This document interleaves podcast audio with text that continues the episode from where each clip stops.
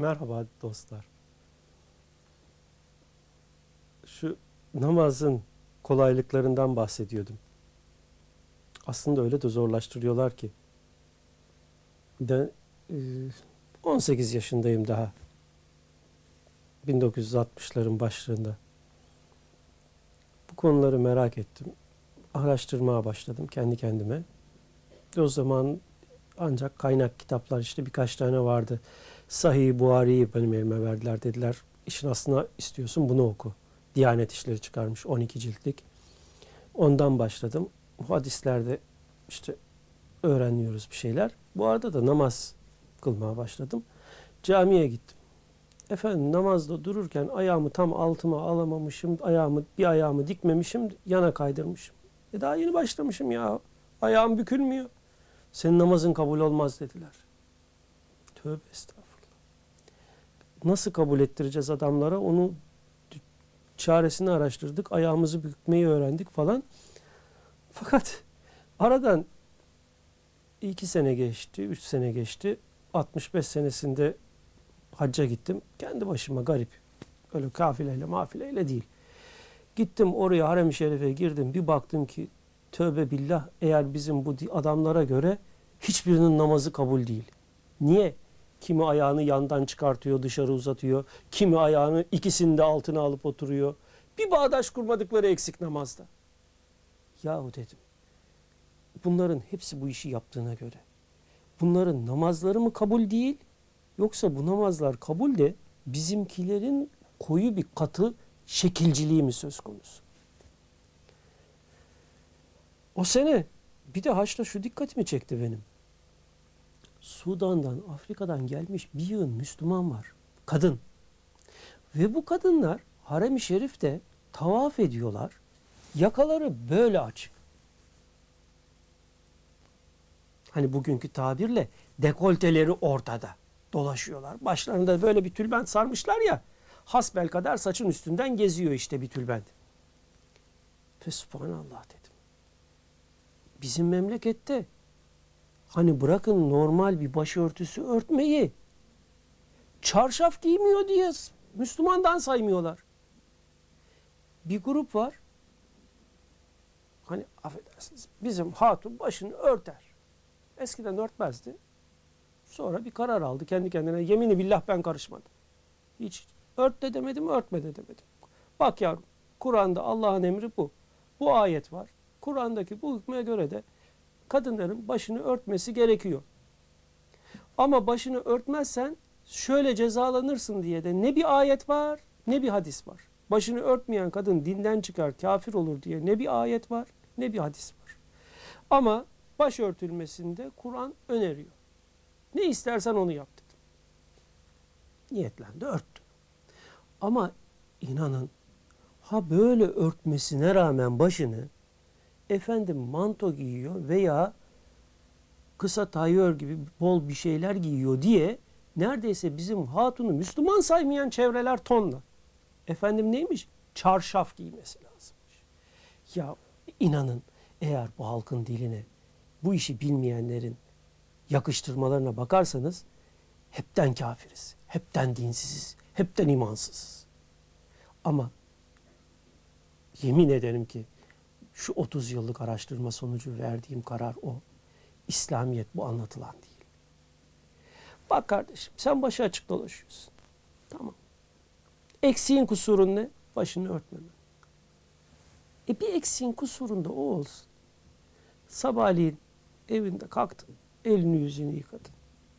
İki rekat namazı kıldın. Ondan sonra işe mi gideceksin? Otur makyajını mı yapıyorsun? Yap.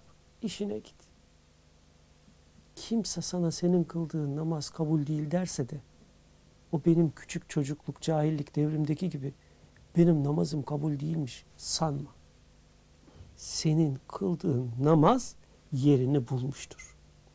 Bak şurasını çok iyi anla dostum. Senin o kıldığın namaz yediğin yemek gibidir. Yediğin yemek kabul olmadı dersem sana ne yaparsın? Gülersin bana değil mi? Niye? Ben bunu yemişsem bunun doğal sonuçları benim vücudumda ortaya çıkacak. Bunun kabul edilip edilmemekle bir alakası yok. İşte namaz dediğin şey de sen de biyolojik, biyoelektrik ve mikrodalga boyutta gereken hükmünü icra eder. Olacaklar olur. Bunun dışarıdan birinin kabulüyle kabul edilmemesiyle alakası yok. Bunu yukarıda kabul edip etmeyecek bir tanrı kavramı da yok. Tanrı için de sen namazı kılmıyorsun. Küçüklükten beri duymadın mı?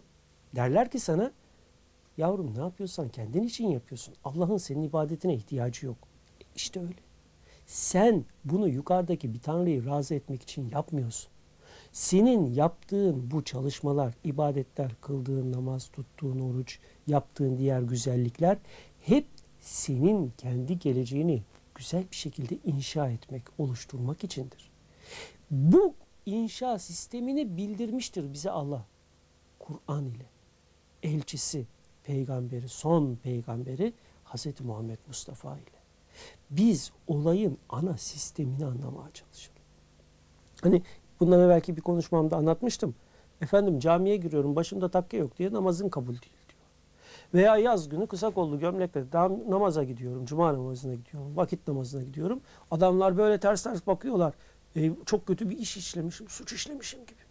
Yahu kardeşim biz orada Kabe'de belden yukarısı çıplakta dolaşıyoruz, tavaf ediyoruz, namaz kılıyoruz. Kimsenin bir şey dediği yok. Ama burada neymiş?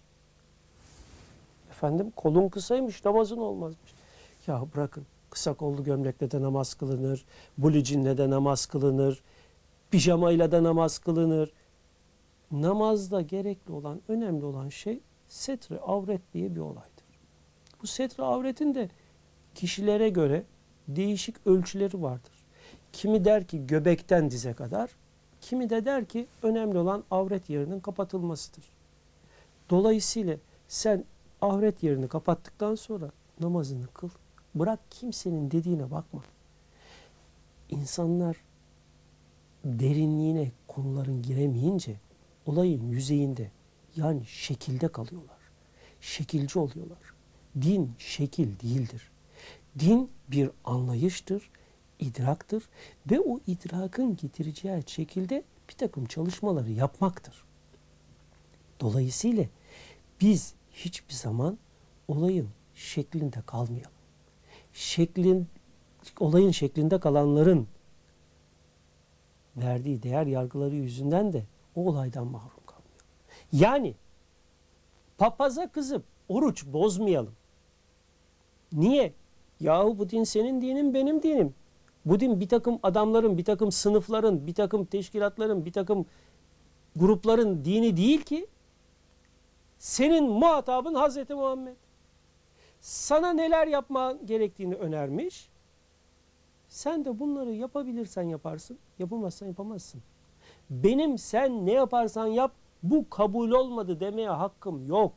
Benim Allah adına konuşma hakkım yok. Kimsenin Allah adına konuşma hakkı, yetkisi yok. Hiç kimse kalkıp da senin bu kıldığın namaz değil, bu tuttuğun oruç değil olmaz. Ben kafama takkeyi taksam ne olur, takmasam ne olur?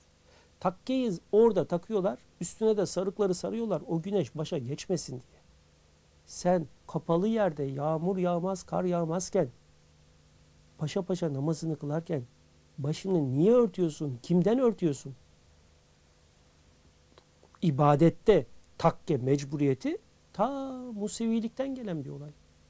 Ama bizim İslamiyet'te Kur'an'da bildirilen Allah anlayışının yanında takkenin bir zorunluluğu yok ki. Takke namazın ne bir rüknü, ne bir farzı, ne bir sünneti. E, Hazreti Peygamber o sıcakta elbette elbise giyiyordu. Bol elbiseler giyiyorlardı. Başlarında olabildiğince kalın sarıyorlardı ki güneş geçmesin diye. Sudan'da, Afrika'da da bu böyle. Ama bu işin kıyafetle alakası yok ki. Sen icabında evinde pijamayla da namaz kılabilirsin. Önemli olan bu çalışmayı yapmak, bu beyin çalışmasını, bu fiziki çalışmayı yapmaktır. Bunlar yapılır, bunlara kim olmaz diyorsa kendi zannını söylüyor. Kendi hayalindeki tanrısına yakıştıramıyor. Sen yatağında da Allah'ın huzurundasın. Oturma odanda da Allah'ın huzurundasın. Seccadenin başında da Allah'ın huzurundasın. Sen orada pijamayla oturuyorsun Allah'ın huzurundasın da seccadenin başında mı orada Allah'ın huzurundan çıktın başka bir tanrının huzuruna geldin? Hayır. Bu işleri gerçekten samimi bir şekilde ne olur düşünelim tartışalım. Basit insanların sıradan değer yargılarıyla kayıtlayarak kendimizi zindana atmayalım. İnanın olay çok geniş, çok ferah, çok rahat ve huzur verici bir olay. Japonlar akşam eve geldikleri zaman ne yaparlarmış biliyor musunuz? Ama bugünlük süremiz doldu. Gelin Japonları da yarın anlatayım. Hoşçakalın.